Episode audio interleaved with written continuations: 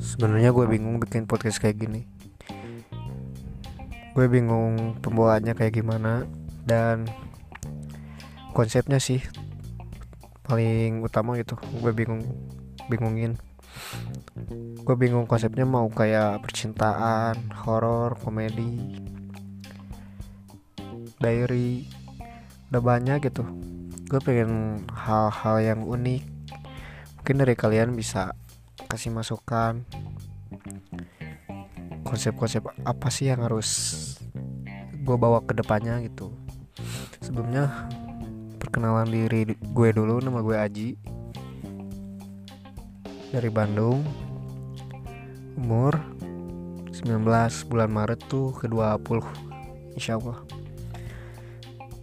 Dan mungkin segini aja podcast pertama gue sekaligus pengenalan. Tak kenal maka kata sayang. Garing. Nah mungkin segitu aja lah